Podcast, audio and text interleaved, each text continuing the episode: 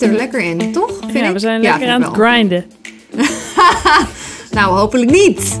Nou ja, maar stiekem dus een beetje wel. Dat is nou net het hele ja, probleem waar we het misschien ook wel een beetje over gaan hebben vandaag. Het probleem in een notendop. Ja, ja laten we maar gewoon eh, dive into it, want volgens mij eh, hebben we genoeg om over te praten. Ja, welkom bij de podcast Kunnen we zonder? Over alle dingen waarvan wij denken dat we zonder zouden kunnen om ons leven een beetje makkelijker en hopelijk wat leuker te maken. Ik ben Loeke en ik ben hier virtueel met good friend Mari, all the way in Los Angeles. Ja, hallo uit LA. Ah, in deze podcast onderzoeken we iedere week waar we minder van nodig hebben. In een wereld die ons aanspoort om altijd meer te willen, te moeten en te doen. Ja, en vandaag stellen we die vraag over grind culture. En daarvoor duiken we weer een aantal sprekende voorbeelden over grind culture. En praten we over hoe dat al zonder kan. Met Frank Jude Boccio, die het boek Mindfulness Yoga schreef en de nadruk legt op je geest. En horen we in een speciaal filosofisch minuutje nog een keer van Frank, zodat we gelijk kunnen doen waar we het over hebben gehad. Oeh, ik heb er zin in. Yes. Ehm, ja, voor we hier verder induiken, misschien moeten we dus grind culture. Wij weten natuurlijk maar al te goed wat het is, maar heel eventjes uitleggen. Namelijk, je hebt het misschien wel gehoord, Elon Musk die de 100-urige werkweek promoot. Alles gaat over work hard, play hard. Nachten en weekenden worden doorgewerkt. Alles wordt voor het geld. Werkgroepsapps van hier tot Tokio waar iedereen er mee moet doen. En iedereen is druk, druk, druk. Dat is eigenlijk eh, het credo. Jezelf dusdanig pushen voor een bepaald werkdoel vooral. Ehm, aan de ene kant natuurlijk iets goeds, want je hebt alles over voor je eigen succes. Aan de andere kant is het dus non-stop en is de balans tussen leven en werk een beetje zoek. Ehm, en alles wat geen onderdeel is van de grind wordt ook gezien als lui. Dus wanneer je eerder van je werk weggaat, toen we allemaal nog op kantoor zaten, zeiden anderen natuurlijk maar altijd graag uh, half dagje, eh, want werken doe je natuurlijk 24/7. Uh, een ander woord wat ook wel wordt gebruikt is de hustle-cultuur. En wat ook nog wel een leuk feitje is, als je grind opzoekt in het Engels woordenboek, dan betekent het dus letterlijk to wear down, polish or sharpen by friction and reduce to powder. Wat ik wel een mooie start vond. Uiteindelijk komt, blijft van ons niks anders over dan een, uh, een bergje poeder. Ja. Chill. Ja, waarom hebben we het erover? Ik denk, nou ja, ook een beetje lockdown inspired natuurlijk weer. Dat we eigenlijk wel door hadden toen we stopten met uh, de hele tijd van alles doen. Omdat we moesten stoppen, omdat we thuis moesten gaan zitten. Hoe erg het eigenlijk ingesleten is dat je altijd productief moet zijn. Uh, ik denk dat er natuurlijk de grind culture is die inderdaad de 100-urige werkweek behelst. Maar ik denk dat er ook een bepaalde cultuur is die draait om optimalisatie. Dus je moet alles wat je doet, moet geoptimaliseerd zijn voor een zo productief mogelijk leven. Dus het, het doel is niet om gelukkig te zijn of om je vervuld te voelen. Het gaat echt eigenlijk alleen maar over productiviteit. Ja, want ik had in die lockdown dus heel erg van... je wordt dus gedwongen stil te zitten... want er is geen werk of het werk hield even op... of het hield helemaal op.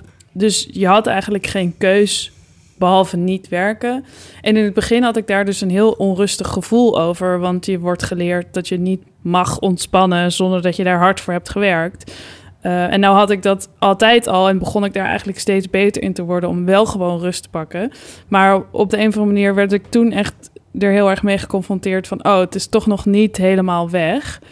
En ik weet ook nog wel dat, uh, waar ik het laatst ook nog met iemand over had, wat ik wel heel interessant was, dat toen ik op jaren geleden dus ook naar Amerika verhuisde, dat ik toen ook ontdekte dat die hele ambitiecultuur en dus ook die grind culture in, de, in Amerika dus ook nog echt wel een trapje hoger is. Zeg maar, die, dat is gewoon even een soort next level grind. Want ik dacht dat ik zeg maar hard had gewerkt om dat visum te krijgen en om aan de baan te komen. Maar ondertussen hoorde ik van mensen die dan echt inderdaad tot midden in de nacht elke dag het hele weekend door aan het werken waren. Um, Vooral ook in Hollywood, dat er altijd iemand is die harder werkt dan jij. En dat... Ja, first in, last out, zeg maar. Dat is een beetje... Ja, en dat wordt gebruikt als een soort motivatietool van... oh, terwijl jij in je eentje in je appartement aan je screenplay zit uh, te schaven... Uh, werkt iemand anders harder, dus kan jij ook nog wel even een half uur langer doorgaan... Ja. of twee uur langer doorgaan, of een nacht doorhalen, of, of, of.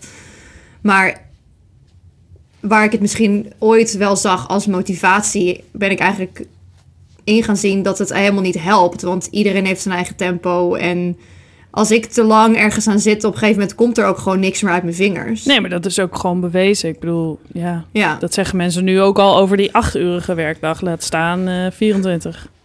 Eh, laten we er even helemaal lekker induiken. Om te beginnen heb ik een post voor je. Het is een post uit september op het account at Smash the Patriarchy, waar ik nog best wel vaak aan denk. En het was ook de reden dat we over dit specifieke onderwerp zijn gaan nadenken. Ehm, het is een verhaal over een toen 20-jarige jongen in Alabama. En het speelde zich af in juli van 2018. En ik lees om te beginnen even de CNN-tekst voor in de post. En er staat: um, What I say I'm gonna do, I'm gonna do the, to the best of my capabilities, says Walter Carr on why he walked 20 miles to work after his car broke down. I just wanted to show to my company that I'm dedicated, just like I said in my interview. Uh, ja, dat is echt. eh, Oké, ik ben met stomheid geslagen. Ja, 20 mile to start. Dat is dus 32 kilometer voor de Nederlanders onder ons. En ik heb heel even voor de grap uitgezocht hoe ver dat precies is. Want het is dus van Utrecht naar Oudekerk aan de Amstel. Amstelveen was net iets verder. En volgens Maps, terwijl die denken natuurlijk dat je Speedy Gonzales bent als je loopt. Dus die zeggen dat het 6,5 uur is. Maar waarschijnlijk kan je daar nog wel een uur bij optellen. Dus deze jongeman, die heeft met zijn 20-jarige leeftijd 6,5, 7,5 uur gewandeld om naar zijn werk te komen, omdat zijn auto het niet meer deed. Heel even nog de, de feiten voordat we daar verder over gaan hebben. Ehm, hij is inmiddels 22 natuurlijk, want het is twee jaar later. Hij vertrok midden in de nacht van zijn huis eh, om dus die 20 miles naar werk te lopen. Om op tijd, 8 uur ochtends, op zijn eerste werkdag te zijn. Omdat zijn auto de, de avond ervoor kapot was gegaan. Hij werkte voor een verhuizingsbedrijf en hij wist niemand te bedenken die hem een lift kon geven. Dus maakte hij de beslissing om te gaan lopen. Hij vertelde er niemand van zijn werk of familie over. eh, maar de klant waar die die dag ochtends aankwam, die hoorde zijn verhaal toen aan. Die postte erover op Facebook en toen eh, deed hij dus een interview met CNN en was het een enorm verhaal. En ik kies dit voorbeeld omdat ik het dus ook wilde helpen, hebben over hoe de grind culture publiekelijk eigenlijk wordt gevierd. Ehm, Ja. Maar eh, en aangemoedigd. En hoe zit dat in jouw omgeving met, de, met hoe er wordt omgegaan met de grind culture en wat mensen daarvan vinden? Nou, ik denk het. Ik doe dus ook aan scenario schrijven. En ik zit best wel in de TV-writing community hier in LA. En dat is eigenlijk altijd een beetje het credo, hè? Ik bedoel, iedereen heeft wel een soort van ander werk erbij. Maar er is altijd wel iemand te bedenken die meer doet of die harder werkt. En dat is dan de persoon waarnaar we moeten streven om die persoon te zijn. Ja. Uh, want hoe kan, je het ooit, hoe kan je het ooit halen of maken of succesvol zijn als je niet bereid bent om alles te geven? En alles is dus al je tijd, al je resources. Terwijl Al je, je kan het ook omdraaien en je, ja, en je kan het ook omdraaien en afvragen in wel, wat voor systeem vraagt dit allemaal van je? Dat dit allemaal nodig is om dan blijkbaar succes te kunnen hebben. Ja. Uh, en dat ben ik me dus gedurende de jaren wat meer gaan afvragen. En dat is ook denk ik een van de redenen dat we het er nu over hebben. ja. Dat we ons dat allebei afvragen. Maar ik zie het heel veel terug in mijn omgeving, ja. Het is zo opvallend hoe niet per se alleen maar normaal, maar ook hoe enthousiast mensen erop reageren, omdat ze het zo. eh, nou, omdat ze er zo tegenop kijken. Ze vinden het gewoon zo knap dat iemand dat doet en kan. En, en ze willen natuurlijk zelf graag ook, want het wordt inderdaad verteld dat dat de manier is om succes te hebben. En ik ben even door de reacties gegaan, omdat ik even wilde weten hoe hier dan in 2018, twee jaar geleden, op gereageerd werd.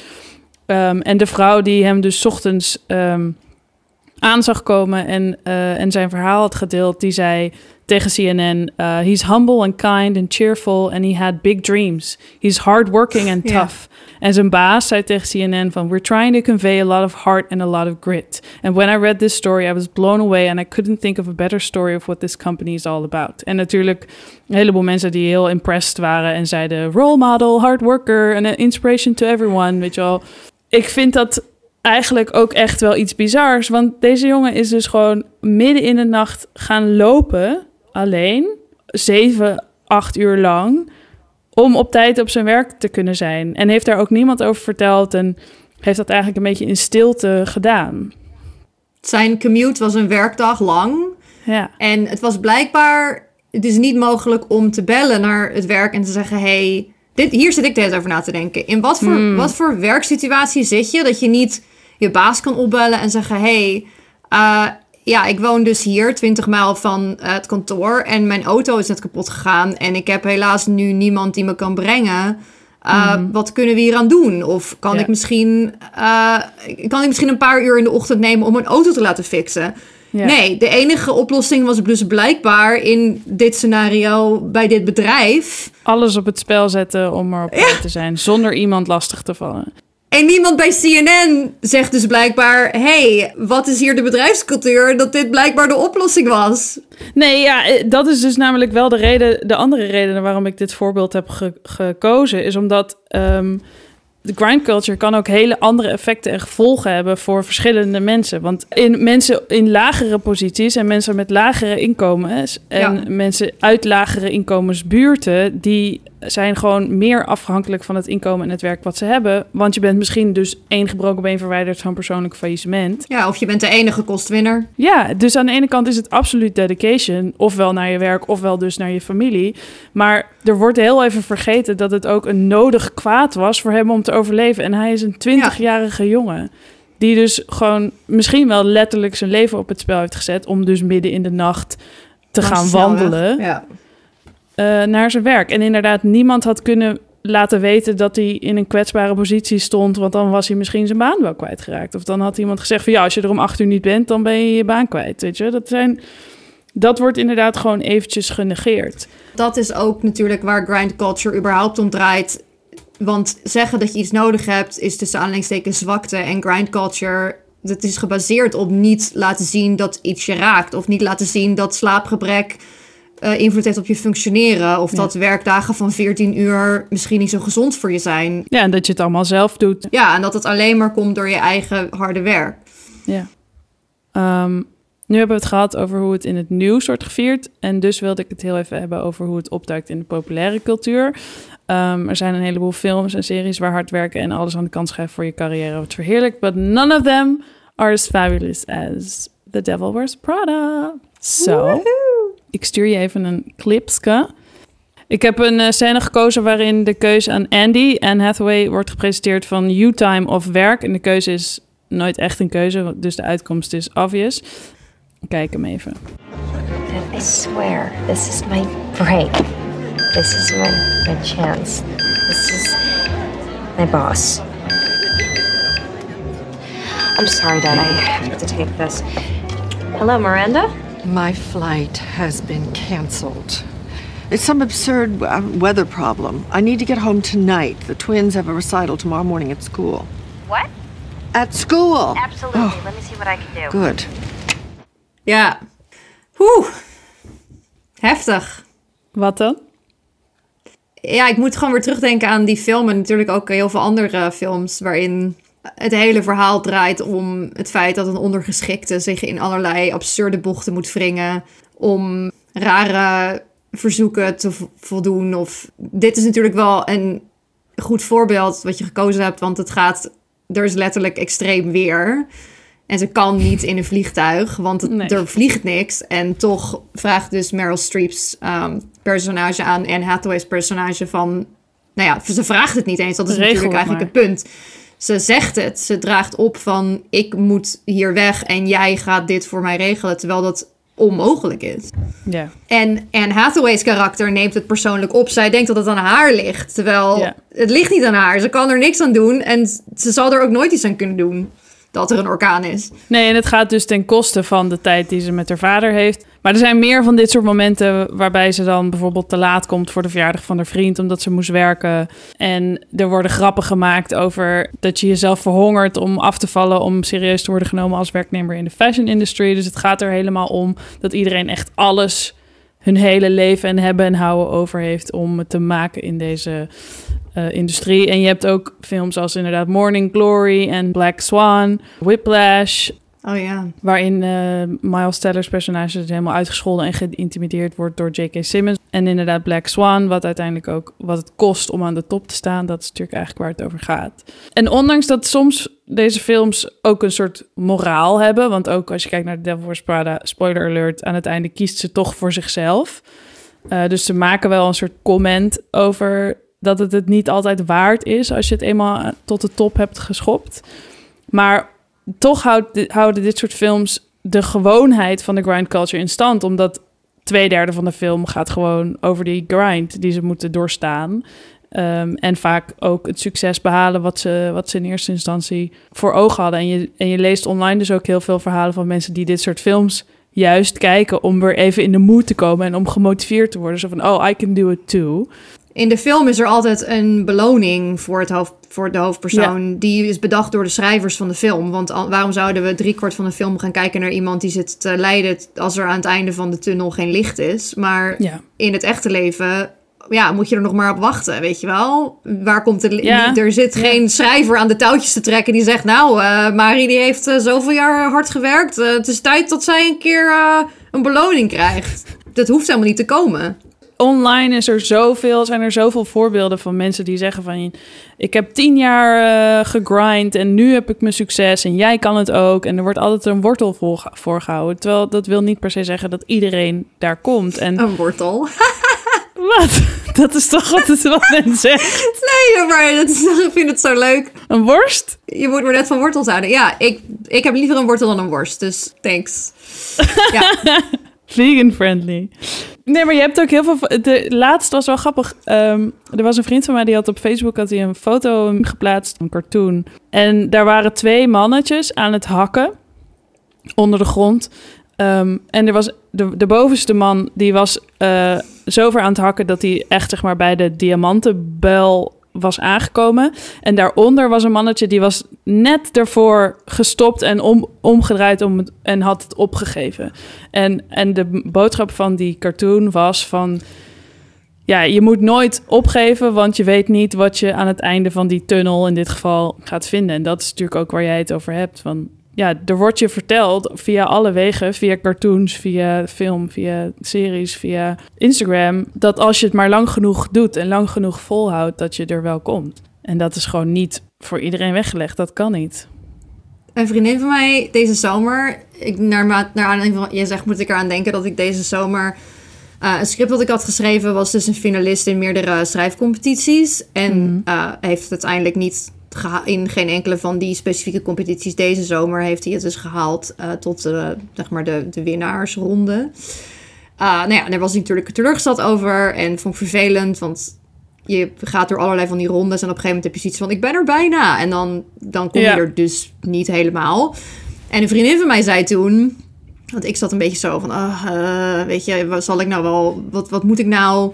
En toen zei ze, Mari, je zit in de derde acte, dus in de third act van de film, waarin het hoofdpersonage niet kan zien dat ze er bijna is. Maar ik als kijker zie dat jij er bijna bent. En nu kan je juist niet opgeven. En dat Ja. is natuurlijk hartstikke lief dat ze dat zegt. En dat ze Ja. er gelooft in mijn kunnen. En dus blijkbaar op dat moment meer geloofde in mijn kunnen dan ik zelf. Maar het is dus compleet doorgedrongen in onze psyche. Dat er dus een soort van three-act structure of five-act structure is. Waarin dus er allerlei obstakels moeten worden overwonnen. En er dus die beloning, die is er gewoon. Maar we zijn er gewoon nog niet. En daarom moeten we doorgaan met grinden.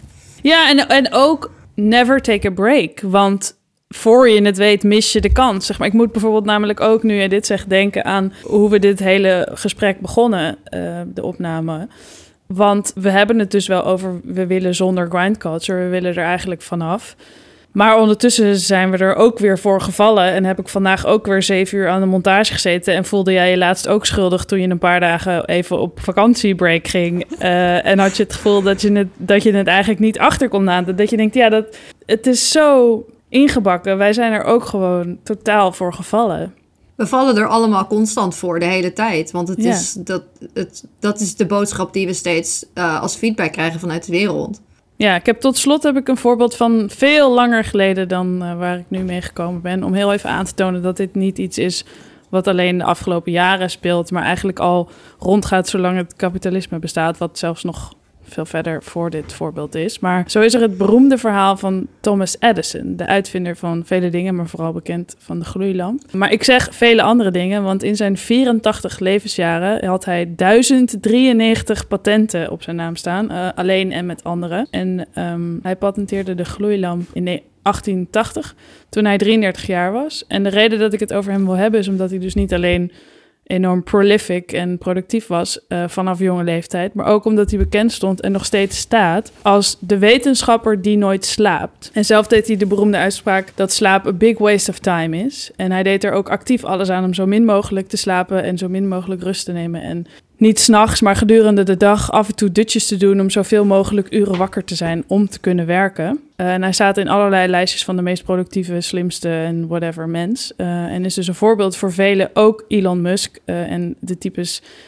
die zeggen I'll sleep when I'm dead. En ik, ik vroeg me af, wat is het effect als zo'n succesvol type, eigenlijk waar we het net ook al een beetje over hadden, zegt je behaalt dit niveau alleen, je kan alleen maar tot de top behoren als je 100 uur werkt, als je alles opgeeft wat er, wat niet werk is. Als je alleen maar dingen doet die geld opleveren en die werk zijn. Want zo, zo gaat het natuurlijk ook. Van iedereen heeft het idee van, oh, ik kan mijn side hustle of mijn hobby in geld omzetten. Zo is dus niks meer voor de leuk of voor de lol. Alles is voor het werk en om die, dat succes en die top te behalen. Ja, wat ook eigenlijk een beetje de, het ideaal natuurlijk zelf vooral tegenwoordig is dat we ons werk vooral heel leuk moeten vinden. Van wat is je passie? En dan maak van je passie je werk. Maar het zit toch een beetje ingebouwd in werk dat het niet altijd leuk is. En dat is ook prima. Maar als alles je werk moet worden, dan wat zijn dan je hobby's? Dan heb je op een gegeven moment nul hobby's en nul dingen waar je eigenlijk. Omdat je eigenlijk alles kwantificeert. Ja. Denk ik. Ik moet er wel eens aan denken als ik bijvoorbeeld mensen zie die heel obsessief bijhouden hoeveel boeken ze hebben gelezen en welke boeken ze hebben gelezen. Dat is hartstikke leuk en vind ik ook leuk om die lijstjes te lezen. Dan ben ik benieuwd naar wat ze gelezen hebben. Maar dan wordt dus ook het lezen van een boek wordt huiswerk. Want dan moet je daarna dus bij gaan houden wat je hebt gelezen, wat je ervan vond. Grappig dat je dat nu zegt, want ik had het dus laatst. Sinds een maand of zo doe ik elke ochtend loop ik drie kwartier. Gewoon wandelen met een podcast op of iets anders, muziek. Gewoon omdat ik vind dat ik meer moet bewegen en omdat het ook een soort van momentje is voor mezelf. En op de een of andere manier, ik ben helemaal niet goed met ochtendroutines en met dingen volhouden en eigen gewoontes voor mezelf en zo. Uh, maar op de een of andere manier, dit ging heel geleidelijk en goed en dat hield ik heel makkelijk vol. En uh, ergens halverwege kwam mijn zus met een voorbeeld van een app, dat heette Ommetje, van de Hersenstichting in Nederland. Waarbij er een landelijke ranking is en je kan een eigen team samenstellen om mensen te stimuleren om die wandelingen te doen en om minstens 20 minuten per dag te wandelen. En ik had me daarvoor aangemeld terwijl ik dus toen al twee of drie weken zelf bezig was. En ik vond dat dus heel irritant, omdat ik dus het gevoel had van, oh, ik moet dit aanzetten, want ik wil hoog gerankt zijn. Ja. Waardoor ik het dus helemaal niet meer leuk vond om te doen. en ik dus mijn eigen opgebouwde routine ineens aan het, af, zeg maar, aan het afbreken was. Dus toen ben ik gestopt met die app, omdat ik dacht... Ja, ik wil dit inderdaad, ik wil dit voor de lol doen. Ik wil dat dit je leuk wil niet blijft. kwantificeren. Nee. Je wil niet weten hoe, hoeveel stappen je precies hebt gezet. Je wil niet weten wat andere mensen aan het doen zijn op hetzelfde moment. Of, zijn, of jij langer hebt gelopen dan een ander. Nee. Dat wil ik helemaal wil gewoon niet lopen. Ik wil gewoon lopen en ik zet gewoon een timer dat ik in ieder geval zorg dat ik minimaal een bepaald aantal minuten loop. Ja. En verder zie ik wel. Maar het, het, was wel heel grappig, want ik ben wel heel erg van het kwantificeren en altijd heel erg van, oh, ik ga, ik heb niet echt hobby's en als ik iets vind wat ik leuk vind, dan is dat meestal inderdaad iets waar ik werk van heb gemaakt. Dus dat dit in ieder geval nu ineens de andere kant op ging, was wel grappig. Ja, je baakt het echt heel erg af. Dit is nu mijn hobby en niemand gaat daar um, judgment aan hangen. Dit is gewoon voor mij, voor mijn ontspanning, voor mijn hersenen, voor mijn gezondheid. En ik ga daar, ik ga daar eens een keertje geen wedstrijd of resultaatgericht, eh, resultaatgerichte activiteit van maken. Maar wat ik wel grappig vind, want wat jij net ook nog zei. Ik had een quote gevonden die ik dus heel leuk vond van de Dalai Lama. Um, want er werd hem in 2014 gevraagd wat hem het meest verrast in het algemeen. En hij zei het volgende vertaald. De mens, want hij offert zijn gezondheid op om geld te verdienen. Dan offert hij geld op om zijn gezondheid terug te krijgen. En is dan zo bezorgd over de toekomst dat hij niet van het heden geniet. Het resultaat is dat hij niet in het heden of de toekomst leeft. Hij leeft alsof hij nooit dood zal gaan. En gaat dan dood zonder echt te hebben geleefd. Wauw. ik vind grind culture wel echt echt heel interessant. Want ik kom uit een familie waarbij het heel normaal is om 100 uur in de week te werken. Gewoon no joke. 90 of 100 uur, dat hoort er gewoon bij. Dat, dat is gewoon hoe je succes boekt. Maar ja, ik begin er nu toch wel steeds meer weerstand tegen te krijgen. En dat ik dus ook gewoon dit weekend bijvoorbeeld dacht van... ik ga gewoon eens een keer niet op zaterdag en zondag aan shit zitten. ik Nou, moet ik zeggen, over dit weekend gesproken, dat ik had dus feedback van jou op iets waar wij samen aan het werken waren voor de podcast. En dat kreeg ik, omdat ik natuurlijk eh, achterloop op jou 9 uur, kreeg ik dat op zaterdagochtend binnen. Oh. En ehm, toen heb ik het gelezen en toen dacht ik, oh, daar ga ik hier meteen even op reageren. Let wel, het was zaterdagochtend, 8 uur geloof ik, 8 uur ochtends. En eh, omdat ik dacht van, oh, maar ik wil ook nog wel even in bed blijven zitten, heb ik dus in bed zeg maar die e-mail beantwoord. En toen heb ik dus jouw reactie gestuurd. Maar omdat jij daar dus niet op reageerde, werd ik ook een soort van ontslagen van mijn verantwoordelijkheid om er vervolgens dan weer meer mee te doen. Dus eigenlijk, doordat jij besloot van, oké, we gaan dit weekend even niet grinden, Ja, heb ik dus ook niet gegrind. En daar was ik me wel van bewust dat ik dacht, oh, ik heb nog niks van Loeke gehoord. En dacht ik, oh, ik hoop dat ze zich aan het, dat ze aan het ontspannen is. En toen dacht ik, waarom ben ik niet aan het ontspannen? toen dacht ik, oh, dat is echt heel fijn. Dat, dus als er andere mensen om je heen zeggen van... hey, misschien ook van... hey, fijn dat je het nog even gedaan hebt... maar laten we dit weekend gewoon even weekend hebben. Dat je dan ook dus met elkaar kan besluiten... en niet je schuldig hoeft te voelen... of dat je niet eh, aan het grinden bent. ja, absoluut. Oh, wat grappig zeg. Dat Anyway, bedankt als mijn, eh, als mijn teammate. Ja. Dat, eh, nou, dat bedankt even- dat, je, dat je het niet hebt gepusht. Dat is ook Nee, fijn. nee dat, zou, dat, dat zou ik ook niet doen. Maar dat, dat maakte me er dus heel erg van bewust... dat we het ook met z'n allen in stand houden. Dus dat...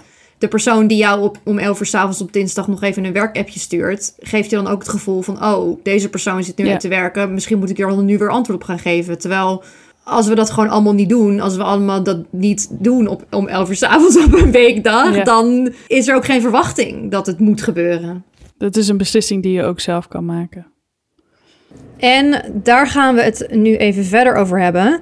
Onze interviewgast eh, van vandaag is Frank Jude Bocho, een ordained Zen teacher. En ik ken hem van een yogatraining die ik vijf jaar geleden heb gedaan in Montreal. En sindsdien staat zijn boek Mindfulness Yoga bij mij in de kast. En toen we het hadden over hoe we ons kunnen losweken van grind culture, dacht ik eigenlijk meteen aan hem. Leuk. Als productiviteit de norm is, zoals we net hebben besproken, hoe zwemmen we dan tegen die stroom in? Mindfulness has become so popularized, but in its popularization, what was meant by the Buddhist tradition has really been truncated and condensed into basically just paying attention, just bare attention, non reactively and non judgmentally, period. But that's actually just the first step. That's the preliminary orientation that we want to take. We want to pay attention to the present moment as it is, but why? Hmm. the whole purpose is to see what are the causes and conditions that led to the present moment. And if the present moment sucks, then we actually do, I mean, that's a decision, that's a that's a judgment, right? This is painful, this is a harmful, hurtful moment. This is how it came to be. I'm going to remember in the future not to do those things, to end those causes and conditions, and to prevent them from happening in the future. If the present moment is one of joy, then I want to remember what led to this so I can continue doing it. So there's a kind of retrospective memory and a prospective memory. It's this that the Buddha meant. The word that we translated as mindfulness, sati, literally means remembering. What mindfulness is, is the ability to see more clearly so that we can change how we relate to our experience. It's much more horizontal and relational, not so atomistic like be in the present moment. For one thing, the present moment doesn't even exist. What part of the moment is the moment? It's gone already. Why do you think all of us need that a little more? You're asking someone who wrote a book called Mindfulness Yoga. So yeah, I think I think we need it. I think what we need though is that more expansive understanding of mindfulness. Basically what's been eliminated is this ethical foundation. You know, a sniper pays attention to what they're doing non-reactively and non-judgmentally. But by definition, according to the Buddhist tradition, you can't mindfully assassinate someone.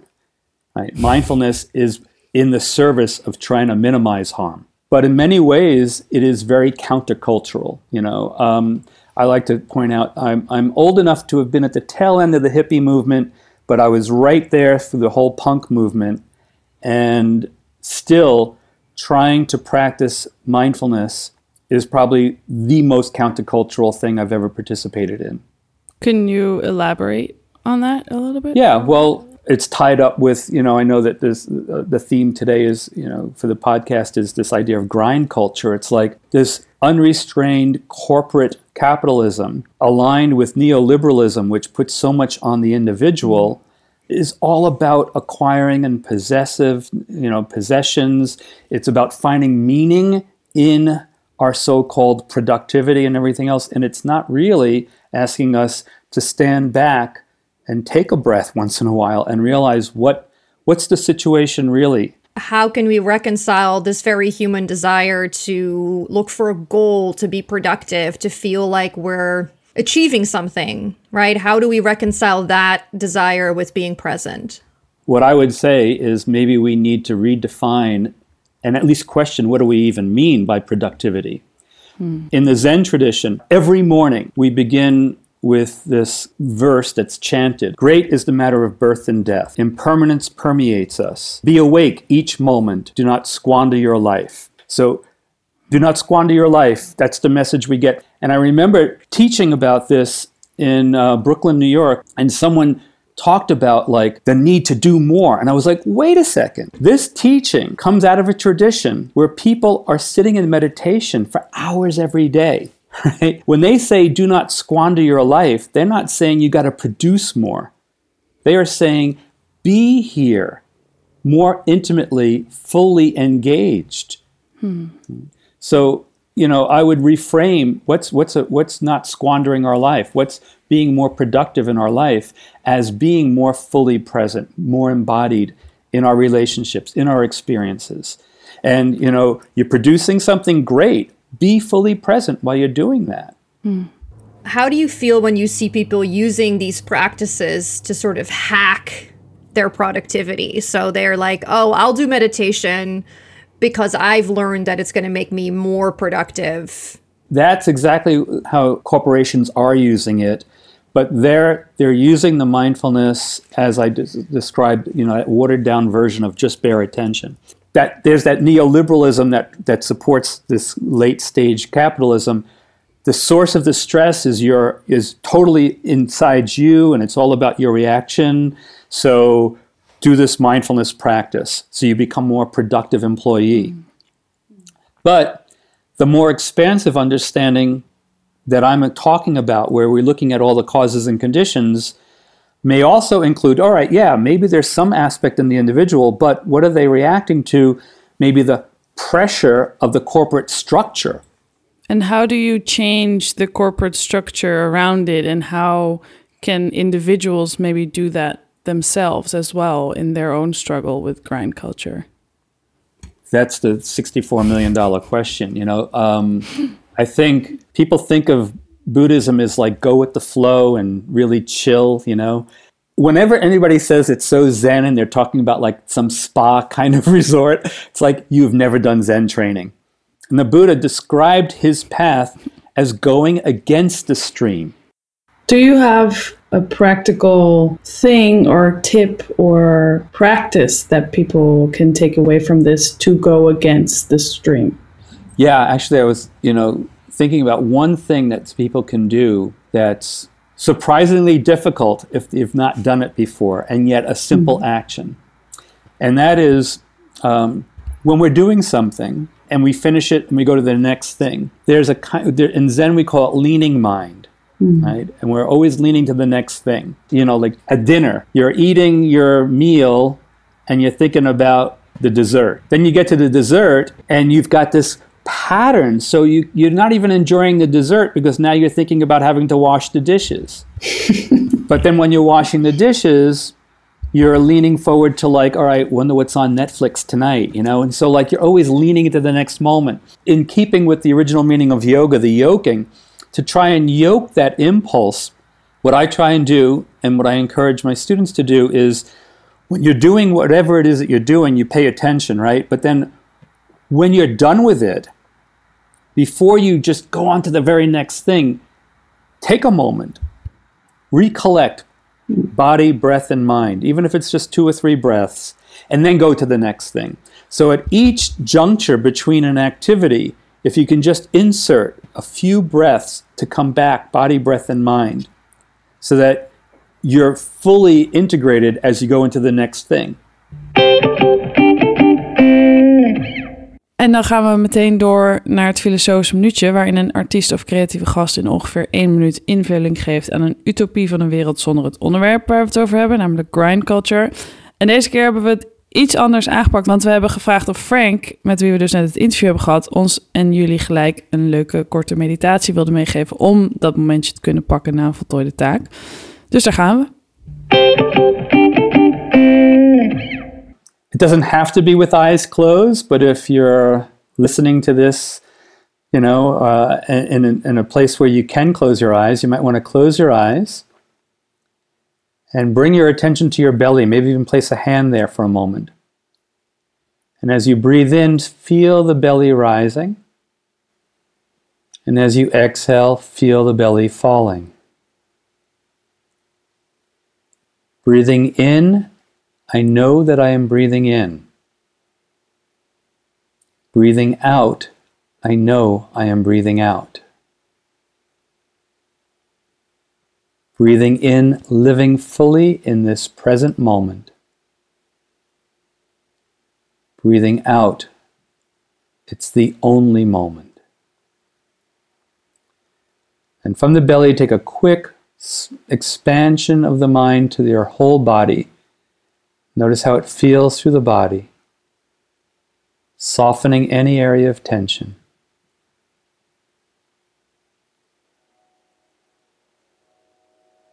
And then as you open your eyes, see where you are.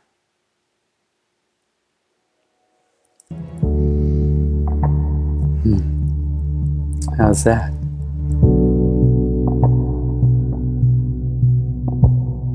Bedankt hiervoor, Frank. Als je meer van hem wil zien of lezen, dan is er zijn Instagram-pagina Mindfulness Yoga Sangha. En vergeet natuurlijk zijn boek Mindfulness Yoga niet. Ja, uiteindelijk gaat het dus allemaal over de balans. De balans vinden tussen werk en leven, maar ook tussen wat jij wil en wat de maatschappij je oplegt of wat er van je wordt verwacht en wat er allemaal moet gebeuren of waarvan je het gevoel hebt dat het moet gebeuren. De balans tussen wat is productief en wat is gewoon creatief.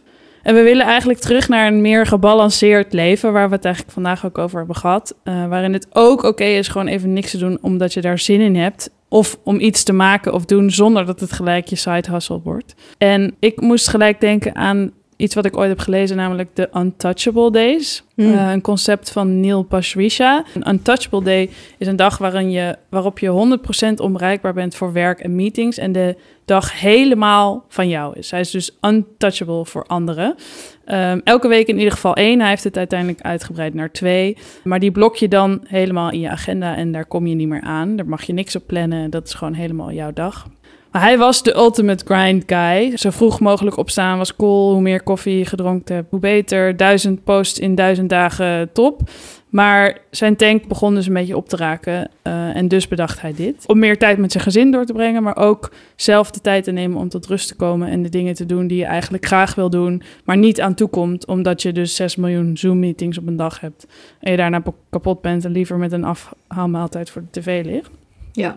Uh, ik moet er wel bij zeggen dat Untouchable Day is eigenlijk bedoeld om zijn productiviteit op te krikken. Uh, om toe te komen aan het creatieve werk. En in plaats van 500 woorden tussen meetings door 5000 woorden in één dag te kunnen typen. Maar dat is niet wat wij vandaag willen met deze Untouchable Day.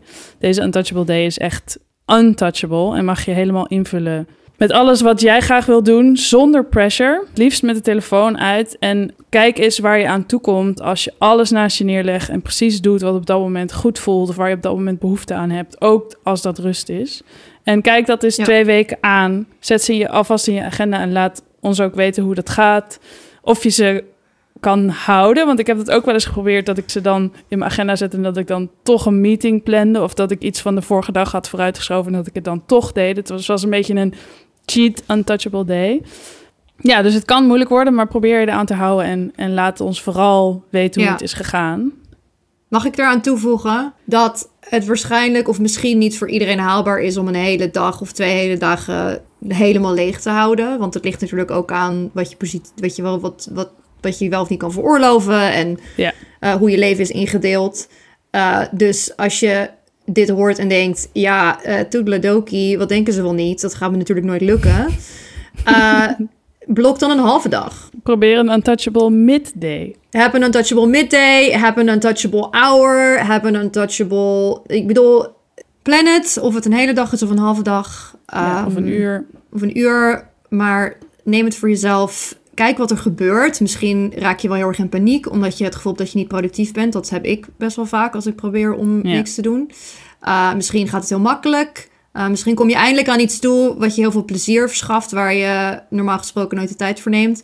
We zijn super benieuwd hoe het gaat. Yes. En volgende week hebben we het over taal en hij als standaard. En wil je graag een melding krijgen als die aflevering klaar staat? Abonneer je dan via Apple Podcasts, Spotify, Stitcher of elk ander platform wat je maar wilt of gebruikt. Yes. En dat was Tot hem dan. voor nu. Ja. Bye.